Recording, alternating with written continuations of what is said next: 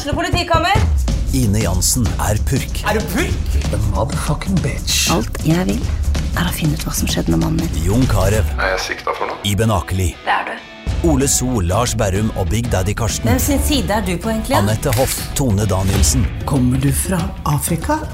Jørnis Josef, Nesten. Kløfta. Trond Espen Seim, Det er synd å si det, men det var feil mann som døde. Purk. Premiere tirsdag på TV2 Play. Ungsamtalen fra DNB er økonomisk veiledning tilpasset deg som er ung.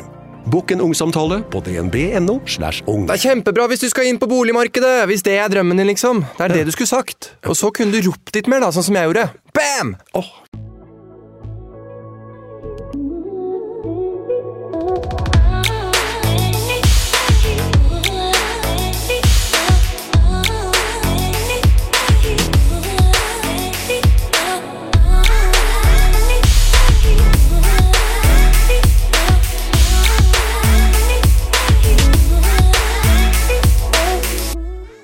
Hallo og velkommen til en ny episode av Sykt ærlig med Martine.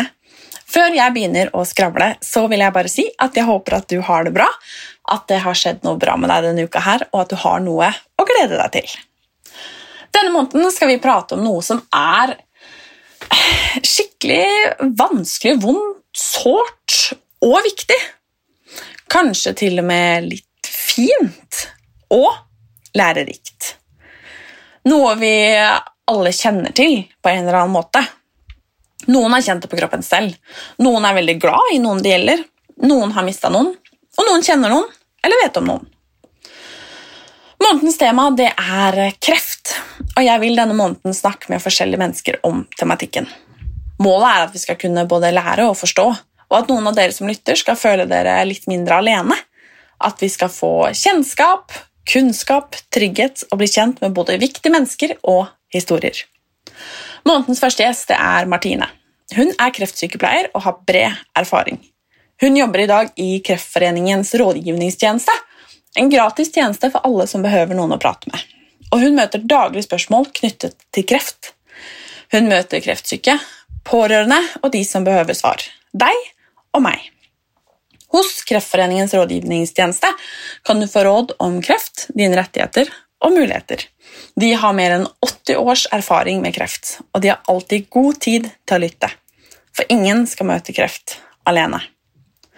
I dag så snakker Martine med meg, og vi snakker om hvordan det er å jobbe så tett på kreft. Hvordan det er når en man er glad i, blir syk. Hvordan man er en god støttespiller. Hvordan man kan håndtere både sorgen, frykten og alle tankene. Du når Kreftforeningen sin rådgivningstjeneste på 21 49 49 21. Og du finner mer informasjon på kreftforeningen.no. Der kan du også skrive i stedet for å prate. Nå skal jeg ønske Martine velkommen og si tusen takk for at du lytter til Sykt ærlig med Martine.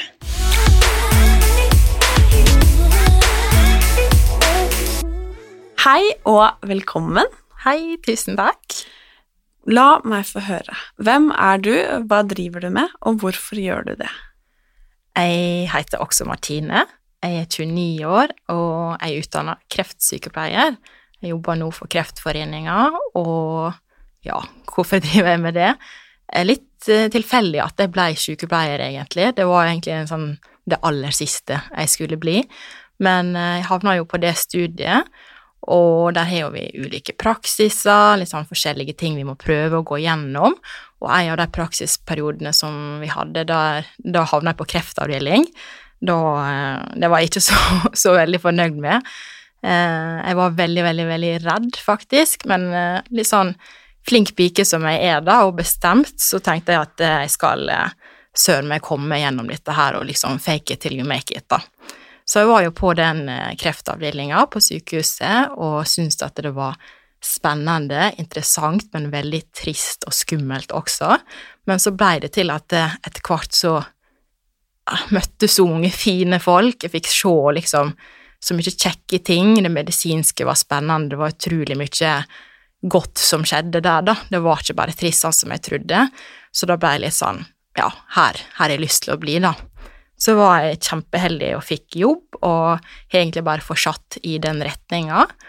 Eh, etter noen år så tok jeg en videreutdannelse da, og havna på sikt i Kreftforeninga, og jobber der nå som rådgiver innenfor kreftfaglige ja, problemstillinger, og snakker mye med pasienter og pårørende på telefon, blant annet. Mm. Hvordan er det å jobbe så tett med noe som er så eh, sårt, vondt og vanskelig? Det er jo sårt, vondt og vanskelig, kan man si, på et vis. Samtidig utrolig Altså, jeg føler meg så privilegert, da, som har den jobben. Det å få lov til å bety noe for noen, eller kunne få lov til å gjøre en forskjell i det som er en grusom hverdag for veldig mange, da. Um, veldig heldig som møter nå folk i ulike deler av et kreftforløp. Tidligere så fikk jo de liksom servert i fanget når de skulle i gang med behandling, eller hatt tilbakefall og skulle ha videre behandling. Men nå kan jeg ha folk som ringer og tar kontakt og sier at du, jeg fikk beskjed i stad med legen min at jeg har kreft, jeg må bare ha noen å snakke med. Og det er så rått og ærlig og ekte, da. Og da selv om det er helt tilfeldig at det var jeg som tok den telefonen, det kunne jo vært hvem som helst av, av, av eh, kollegaene mine også, så føler jeg meg bare så heldig som får lov til å Ja, men ok, da fortell meg liksom hva, hva du føler, Mm. hvordan du har det nå. Så ja, det, for meg er det veldig godt, og jeg elsker jobben min, virkelig. Hvordan møter man noen som akkurat har fått påvist eh, kreft? Um, med, altså, med all eh, respekt, da, og ydmykhet, tenker jeg. Jeg er jo veldig ydmyk overfor det faget. Det er mange ganger at eh, eh, jeg blir liksom skremt over hvor stort kreft er, og hvor skummelt det kan være, og hvor farlig det kan være, da. Samtidig så, i den situasjonen, så vil jo min rolle være å skulle eh, hjelpe til å sortere alle de kaotiske tankene for den som nettopp har fått diagnoser. Så det blir jo veldig sånn at eh, jeg prøver å lytte, da. Jobben min er jo primært å være en lytter og høre hvordan er det du reagerer på den beskjeden som du har fått. For vi kan jo ha så mange ulike reaksjoner. Noen kan eh, bare liksom flire og si at dette her eh, kan jo ikke stemme. Noen er så fortvila at eh, de gråter bare, og eh, det blir liksom stille pause. Det er ingen av oss som sier så mye, og noen har en veldig praktisk tilnærming, behov, eh, informasjonsbehov, og har masse, masse, masse spørsmål. Så jeg tilpasser meg den som ringer, eller den som jeg snakker med. Jeg sa vel kanskje ikke at jeg jobber på det som er Kreftforeningens rådgivningstjeneste, eh, så det er et telefonnummer inn. Vi har også chat- og e-postfunksjon, der man kan ta kontakt med, med kreftsykepleiere eller sosionomer og egentlig spørre om alt mulig som har med kreft å gjøre. Og så eh, Eller om du ikke har noe spesielt du, du vil snakke om, men du trenger bare noen Eller no, ikke noe spesielt å spørre om, men du trenger bare noen til å lytte til det, da. Så Må man ha kreft for å ringe? Nei, det må man ikke ha. Det er veldig mange som ikke har kreft, um, som vi kaller for publikum, da. eh, som kanskje har mistanke om kreft fordi at man oppdager noen plage eller noen endringer i kroppen. Eh, eller noen som eh, er nysgjerrig fordi de er interessert i faget. Eh, veldig, veldig, veldig mange pårørende, selvfølgelig. Eh, fagpersoner som kan konferere og søke råd hos oss. Og så er det pasienter, eh, i tillegg til tidligere pasienter, de som er friske, men fremdeles har eh, problemstillinger knytta til kreft som de ønsker å snakke om, da. Mm. Mm. Åh, det er så viktig. Ja, det er det. Jeg nevnte det jo for deg, men når jeg, når jeg fikk eh, nå da påvist eh, disse høygradige celleforandringene mine, Mm. så det derre Så kjente jeg først, så var det liksom Selv om det ikke er kreft, eh, så var det jo den første tanken jeg hadde, Mm. at herregud, nå skal jeg dø av kreft. Det var liksom det første som som slo meg, at ok, dette var det, liksom. Og hvor urasjonell jeg ble et øyeblikk, før jeg ble sånn Herregud, hva er egentlig dette her? Mm. Eh, uten å egentlig ha peiling. Og det derre informasjonsbehovet, da. Mm. Og det å ha noen å komme til og bare sånn Hva, hva betyr dette her, egentlig? Hva innebærer det? Hva, hva kan skje? Hva kan ikke skje? Hva eh, Bare få vite. Mm. Eh, og jeg kan tenke meg da å få en enda tyngre beskjed, nettopp at man faktisk har kreft, Mm. eller en man er glad i, har fått kreft. Ehm, det å kunne ta opp telefonen og stille spørsmål og få råd og omtanke, ikke minst, Mm. at det må være utrolig nyttig og veldig, veldig viktig. Det er jo mange som ringer i akkurat den situasjonen, da. Eh, mange unge jenter, og vi har også på chatten, da, som har eksempel tatt celleprøve og har fått påvist noen forandringer, eller har tatt prøver, ikke fått svar enda, ventetida, eh, og dette som du beskriver, da, at eh, herregud, nå har jeg fått kreft, hvis du har fått påvist at det, at det er ikke alt som stemmer. Og det er jo menneskelig reaksjon, ikke sant? Vi, vi går jo gjerne i, rett inn i et slags sjokk, krisetilstand, og tenker det verste. Vanskelig, vanskeligheter med å sortere tankene, og bare tenke hvor, hvor starta jeg nå, liksom. Um, og da, da syns jeg det er veldig fint, da, hvis man kan ringe inn, istedenfor å eksempel hive seg over nettet, hvor man kan finne eh, mye skummelt, mye som kanskje ikke er så pålitelig heller, eh, men det å da kunne både kunne stille spørsmål til noen som kan faget, men også på den andre side bare få lufte tankene istedenfor at de spinner rundt og rundt og rundt i ditt eget hode, og så blir det verre, da.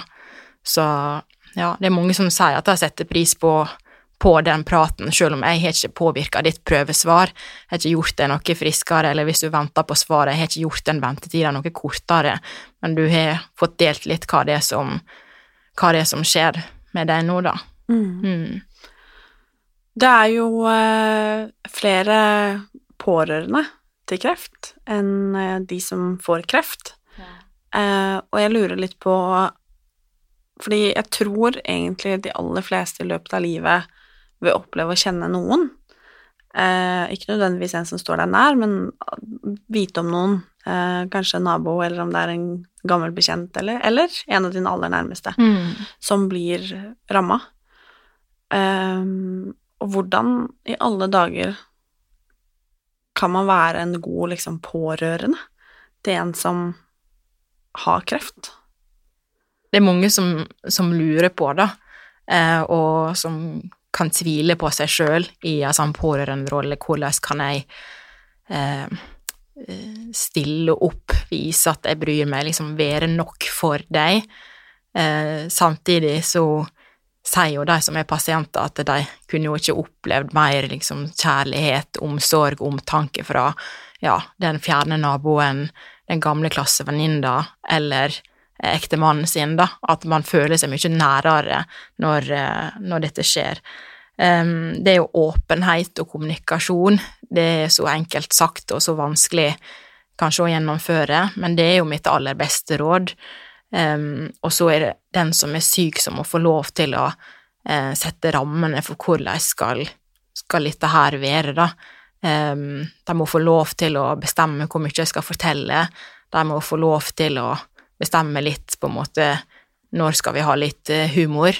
Uh, når er det greit å liksom åpne opp tårekanalene og, og prøve å tilpasse seg litt den som er syk, da, men bare på, på en eller annen måte prøve å vise at du er der. Og pårørende kan jo også vise, stille opp på ulike måter. Noen blir jo utrolig praktiske. At eh, ja, men eh, ikke tenk på det, da liksom vanner jeg plantene dine, eller eh, du skal ikke bekymre deg for barnepass, eller kan liksom vise sin omsorg og tilstedeværelse i det. Noen blir utrolig liksom påpassende og ja, mange, mange, mange, mange pårørende skjuler sin egen sorg fordi du vil ikke belaste den som er syk. Veldig mange pasienter skjuler sin egen sorg, for de vil ikke belaste de som er pårørende. Men det er da jeg sier dette her, at det, du kan gjøre alt det praktiske, du kan stille opp, du kan være kjekk og grei, men, men få fram råskapen, da. Prøv å snakke sammen. Hva er det du tenker? Eh, Hva er det jeg tenker? Hva er det du trenger av meg? Hvordan kan vi sammen komme oss gjennom dette her, da? Og så har jo det veldig mye å si hva slags relasjon det er.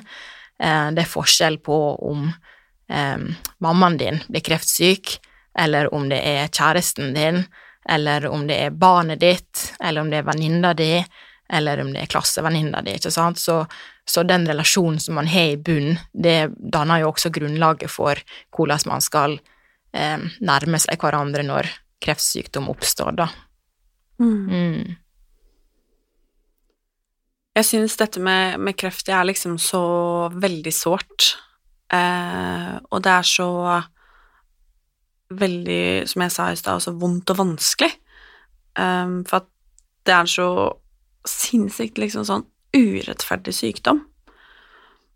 Og det er veldig fint å høre at det er mye fint og lærerikt og altså, til og med glede i å jobbe så tett på, på kreft, da.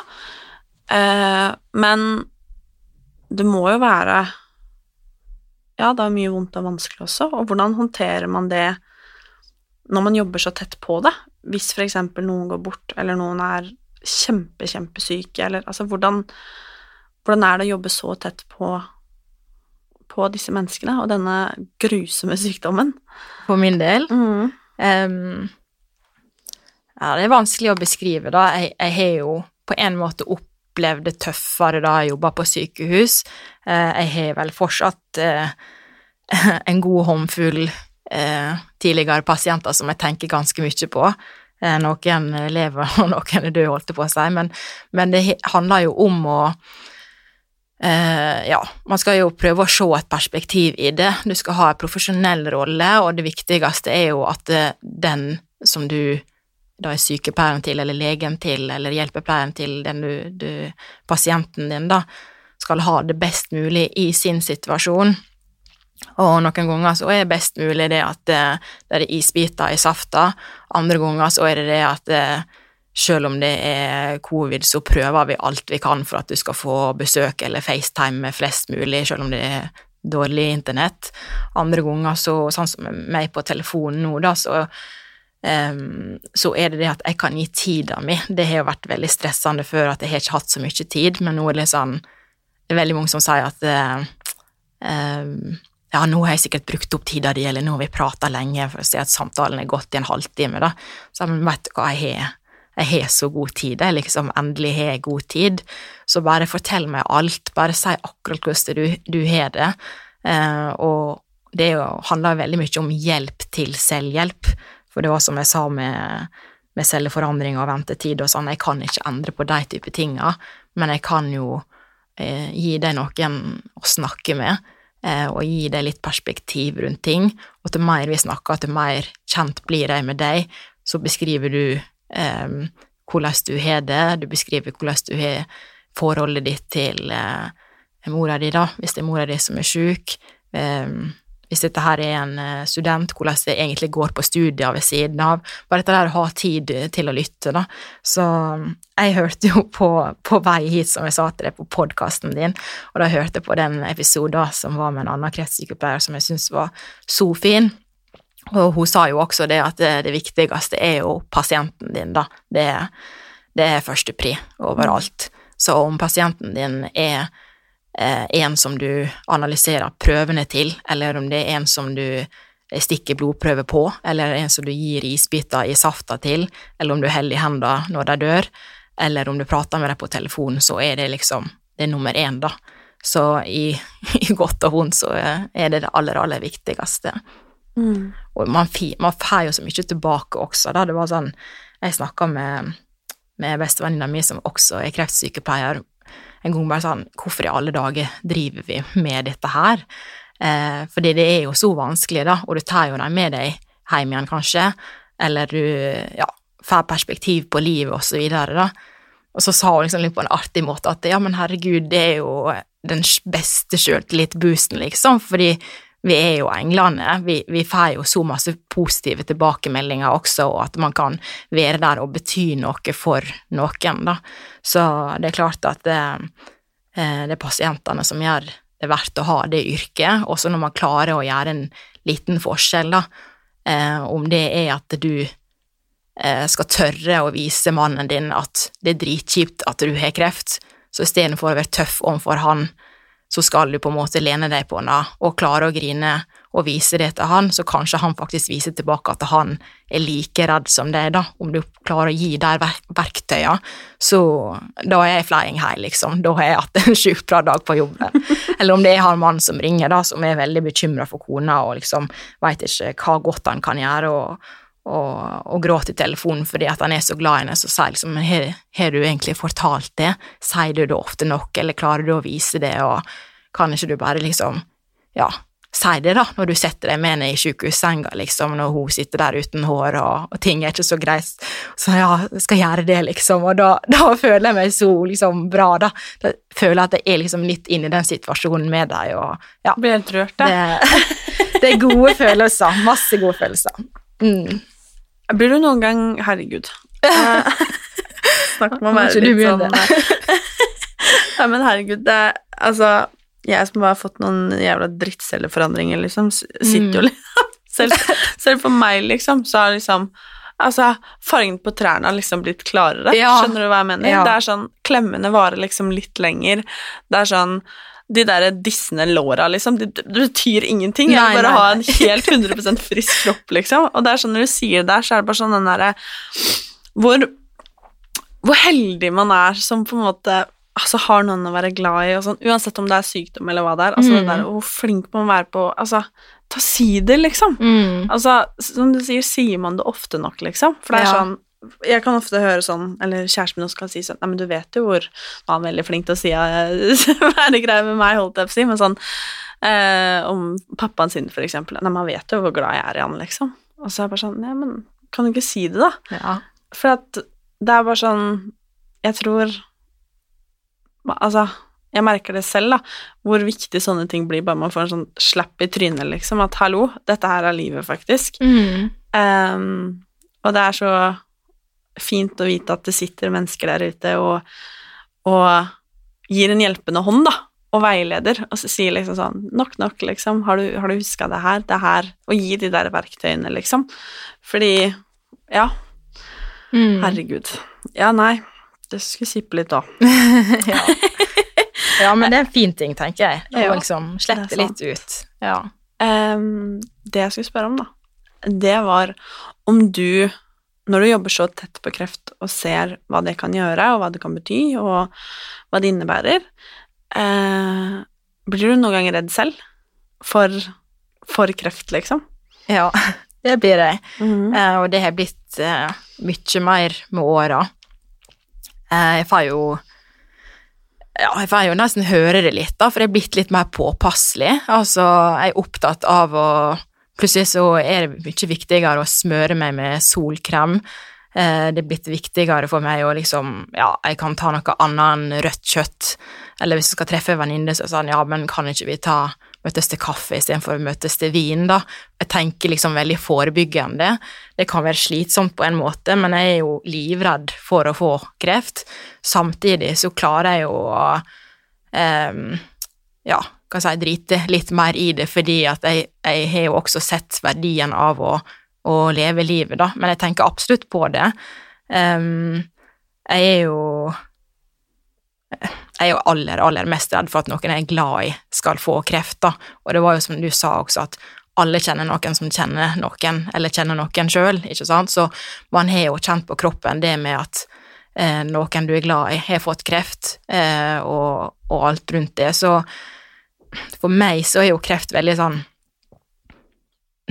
Det er jo en utrolig profesjonell ting. Jeg måtte ha lært meg å distansere meg fra det for å få sove om natta og for å liksom kunne eh, leve og ha det, ha det greit. Eh, samtidig så, så er ikke jeg naiv, da. Jeg tenker på at eh, ja, jeg har ikke lyst til å få kreft, eller jeg har aller mest ikke lyst til at noen jeg er glad i, skal få det, da. Og jeg unner jo det ikke til, til noen i, i hele, hele verden. Så det det er en stor ting som vi ikke rår helt over, men eh, ja, tankene er jo der. Absolutt. Mm. Hva er viktigheten med å, med å sjekke seg? Da tenker jeg ikke bare nødvendigvis på celleprøve, men, Mm. men med andre ting, om det er liksom puppene, eller om det er testiklene, eller altså hva altså sånn Mm. Å passe på kroppen sin og sjekke at alt er som det skal? Hva er viktigheten av det? Viktigheten er jo det at man kan eh, Altså, du kan utelukke kreft hvis at du, du sjekker deg og det ikke blir funnet noen ting. Eh, og så er jo det det at du kan oppdage det tidlig hvis at du ikke har hatt noen plager, men du har fulgt et screeningprogram som viser at det her bør du være obs, eller her blir du kalla inn til nærmere kontroll og sånn. Så det er, jo, det er jo en kjempeverdi, for man vet jo det at eh, åpenbart så er prognosene bedre ved kreft hvis man kan finne det med tidlig, eh, ved et tidlig, tidlig, tidlig stadium, ikke sant?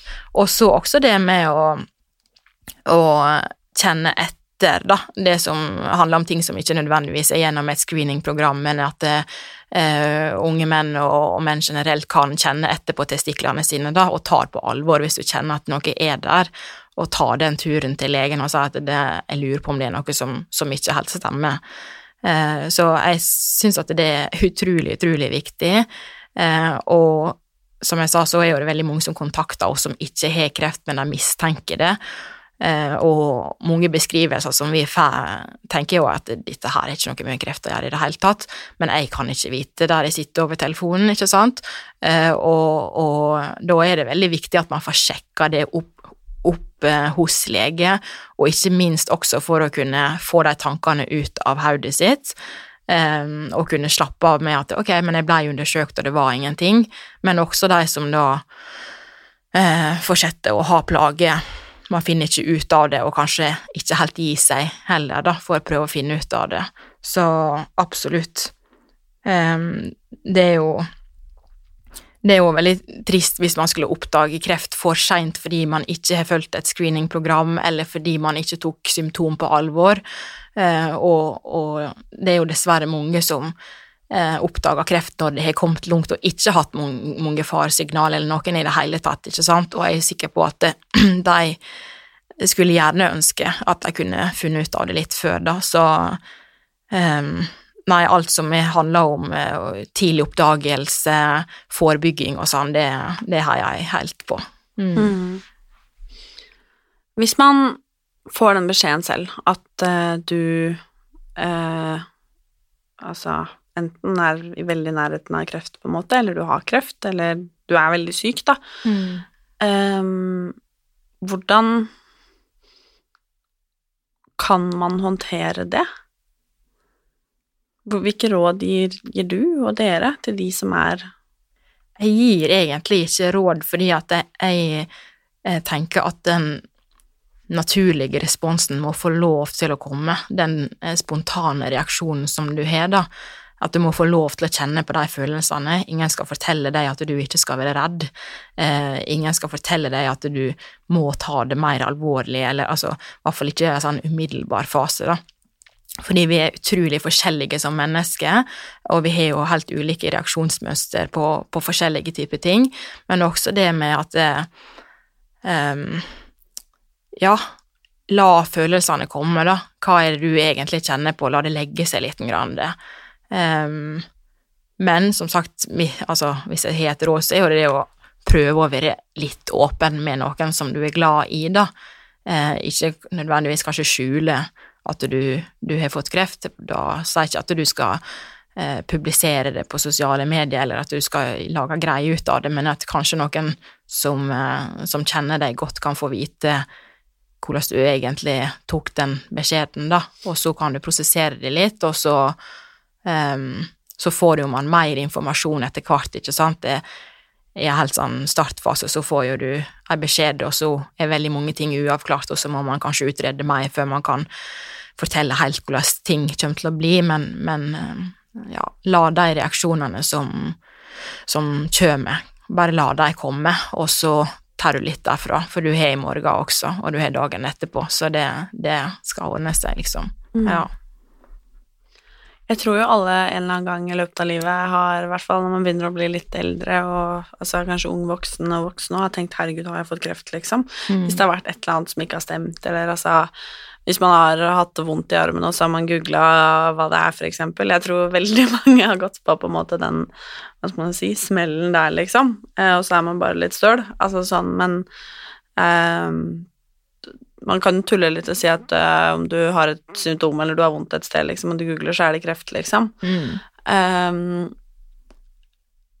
hva tenker du om at Altså, jeg tror at det er mange som har liksom kreft som den sånn verst tenkelige sykdommen man kan få, liksom. At kreft er liksom det verste av det verste. Um, burde man være så redd for, for kreft som det jeg tror mange er? Er vanskelig å si, da, for jeg tenker man skal ikke eh, spøke med det som man kan kalle for helseangst, og kanskje unødvendig helseangst også. Samtidig så er jo eh, kreft noe man eh, skal og bør ha stor respekt for. Og jeg sjøl er jo blitt godt kjent med fastlegen min etter at jeg ble kreftsykepleier, for jeg tuller ikke med, med kroppen min hvis jeg kjenner noe, liksom, da. Men du sier noe der med å, å eh, skulle søke opp, og så har du alle symptomer på kreft. Da tenker jeg det er bedre å, i hvert fall i det minste, oppsøke det som kan være pålitelige kilder, ikke sant. Eh, og så, så skal jo ingen være sin egen lege eller spesialist, du skal ikke sette noen diagnose på deg sjøl, men hvis du er engstelig og du har opplever liksom plager og kroppslige endringer som, som vedvarer, som ikke går over, eller som mot formodning blir verre, så oppsøk da lege, og så få det undersøkt, og så jeg mener jo at vi har et kjempegodt helsevesen, og at man kan stole på, på, eh, på legen sin, og, og og da kan slå seg til ro med at eh, ok, det var ingenting, eller at man er i trygge hender hvis det er et funn, da, og et funn trenger heller ikke må være kreft, men eh, ja, det er en balansegang der, da, mellom å engste seg alt, altfor mye eh, over kanskje små ting som ikke er noen, noen ting, og eh, overse viktige symptom. Mm. Jeg har jo følt det litt med, med mine celleforandringer. Eh, så har jeg liksom følt litt sånn herregud, er jeg drama queen nå, liksom? Eh, samtidig så kjenner jeg og vet om mennesker som har blitt veldig, veldig syke, og nettopp det samme, liksom. Og det er som jeg sier, en, en forandring som det jeg vet at på en måte jeg har båret på, det er jo ikke Det er jo ikke bra, liksom. Mm. Og da har de, alle de tankene kommet, da. Den der frykten, den panikken, den eh, Altså, redselen, liksom. Altså, for første gang i mitt liv så var jeg redd for å dø, liksom. Mm. Jeg har aldri før vært redd for å dø. Men plutselig, en lørdag kveld sammen med familien, liksom, så fikk jeg helt den der Herregud, tenk om jeg dør nå, liksom. Helt sånn, helt urasjonelt, helt ut av det blå, liksom. Bare sånn Ja, nå skal jeg dø. Altså, sånn kjempe Altså, så når jeg sitter her nå og sier det nå, så kan jeg nesten bli litt sånn flau, liksom. Eh, at jeg kan kjenne på at liksom, herregud, er jeg Altså overreagerer jeg, liksom, fordi at jeg har vært redd, fordi at jeg har vært sint, fordi at jeg har vært bekymra. Eh, og ja, følt at det Nei, jeg vet ikke. Følt nesten sånn skamma meg litt for at jeg skal ikke plage noen, da, med at liksom jeg har det sånn som jeg har det, liksom. Ja, nei, du ser jeg sitter jo bare rista på hodet, liksom. Mm. Da, jeg syns jo det er ikke fint å høre at du tenker at du skammer deg, eller at du blir flau, eller sånn. Og jeg tenker det er en helt, helt normal reaksjon, og fremdeles så er jo det slik at man gjerne forbinder kreft med død, selv om vi veit nå at det er ikke er likhetstegn der lenger i det hele tatt. Men denne der spontane reaksjonen da, og tankene rundt det, og så plutselig så Det var meg, liksom. Det var ikke bare at du leste på her og der at det, en eller annen hadde fått et eller annet, ikke sant. Det var liksom ditt prøvesvar, eller om handla det om deg, da. Eller kanskje noen du var glad i, og, og sånn. Jeg tenker at jeg hadde, jeg hadde reagert på samme måte, og det er ikke noe du skal skamme deg over i det hele tatt. Det er helt naturlig å tenke det. Um, men så kan jo man tenke mer fornuftig, eller fornuftig, ja, kall det fornuftig, da, når du går fra litt tid, så tenker jeg at ja, men det var jo bare forandringer, eller jeg skal jo bli undersøkt nærmere, eller hvis, hvis, hvis det er kreft, så fins jo det behandling og sånn, Mm. men ja, altså, snu på det, da. Tenk at det, da er jo ei søm meg glad i livet, liksom. Når du får den reaksjonen der, det er ikke samme for deg om du har høygradige celleforandringer eller ikke, det er ikke samme for deg om du har kreft, ikke sant, for du vil jo være her du vil jo ha det bra og fortsette å være deg og leve livet, ikke sant? Så, så den reaksjonen og, og, de tankene der, jeg tenker at det, ja, heller eh, embrace it, da, og ta det med deg, at det er det du tenker. Eh, jeg blir litt mer bekymra hvis folk er sånn ja, det var, var noen sånn celleforandringer, liksom, men vi får nå se, de sa jo at de skulle ringe sånn, altså da blir det litt sånn ja, men hallo, eh, har ikke du lyst til å, å leve, liksom. Få på, mm. få på, kampen, liksom. Så jeg syns det er helt ærlig at du Ja, at du tenkte det, da. Og, men veldig, veldig fint at du hadde folk rundt deg, og ja, kanskje hadde noen der når de tankene kom, da. Mm. mm. Jeg syns uh, Jeg skal ikke gråte nå, jeg orker ikke. Mm. men jeg syns det er veldig fint det du sier med at Man tenker jo at kreft er lik død, liksom. Mm. Um, og det du sier der med at det trenger ikke Eller det betyr ikke det lenger, liksom. At hvis man får kreft, så betyr ikke det at det, det er like greit å bestille kiste, liksom. At det ikke er helt sånn. Fordi jeg tror veldig mange, inkludert meg selv, har det forholdet til kreft, da. Mm. Mm. Ja. Jeg merker at jeg er litt sånn yrkesskada, da, fordi at det, um, Ja, jeg har nå fått fortalt, liksom av eh, folk jeg kjenner, og kanskje sånn venner av foreldre eller et eller annet, da, at eh, den og den hadde fått kreft, så jeg bare ja, men hva slags type kreft, liksom, var det spredning, altså jeg vil bare vite alt, for at da har jeg bare laga min konklusjon på at ja, men da skal hun gjennom sanden, eller han skal gjennom sanden, eller det kommer til å gå bra, men det er jo ikke noe stress, liksom, å gjøre den type kreft, fordi at kreft er ikke lenger et, et likhetstegn med døde, eh, og sjøl de typene som kan ha lav overlevelse sånn statistisk sett, eller som kan være vanskelig å behandle. altså vi bor jo i verdens beste land, og det jo, pågår jo så mye forskning, og det er jo jeg er veldig veldig stolt av at jeg jobber i Kreftforeninga, fordi vi støtter masse forskning som faktisk får fram gode resultater, som gjør det at eh, man hvisker stadig over det er likhetstegnet og, og ja, det er håp, da. Håp er liksom det viktigste ordet, tenker jeg. Og sjøl i en situasjon der kanskje en diagnose har en slags dødsdom, da, så veit vi også det at det går fint an veldig ofte å leve med kreft, og, og uten at det er helt grusomt, ikke sant? Så um, ja. Det Det er veldig sånn, ja, et likhetstegn, men få det bort, tenker jeg. Ja. Mm. Oi, oi, oi. Mm, ja. Jeg bare kjenner på en sånn enorm takknemlighet for eh, at vi har det helsevesenet som vi har. At uh, vi har Kreftforeningen, som gjør en helt fantastisk uh, jobb og innsats.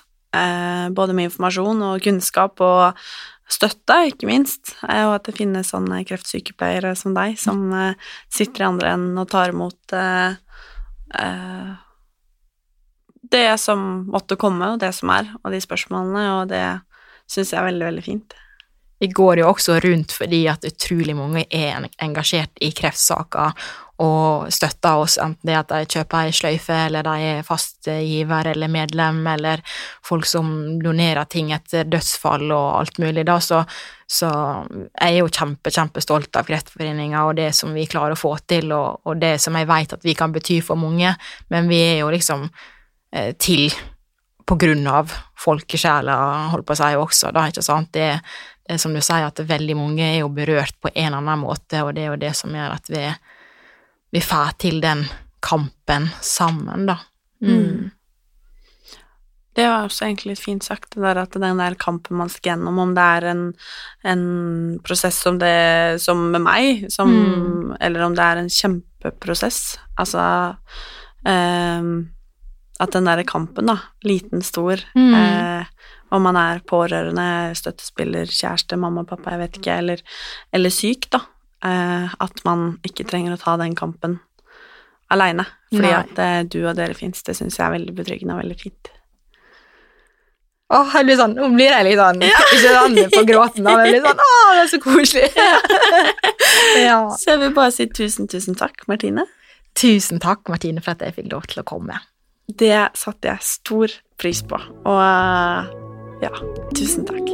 Sjøl takk.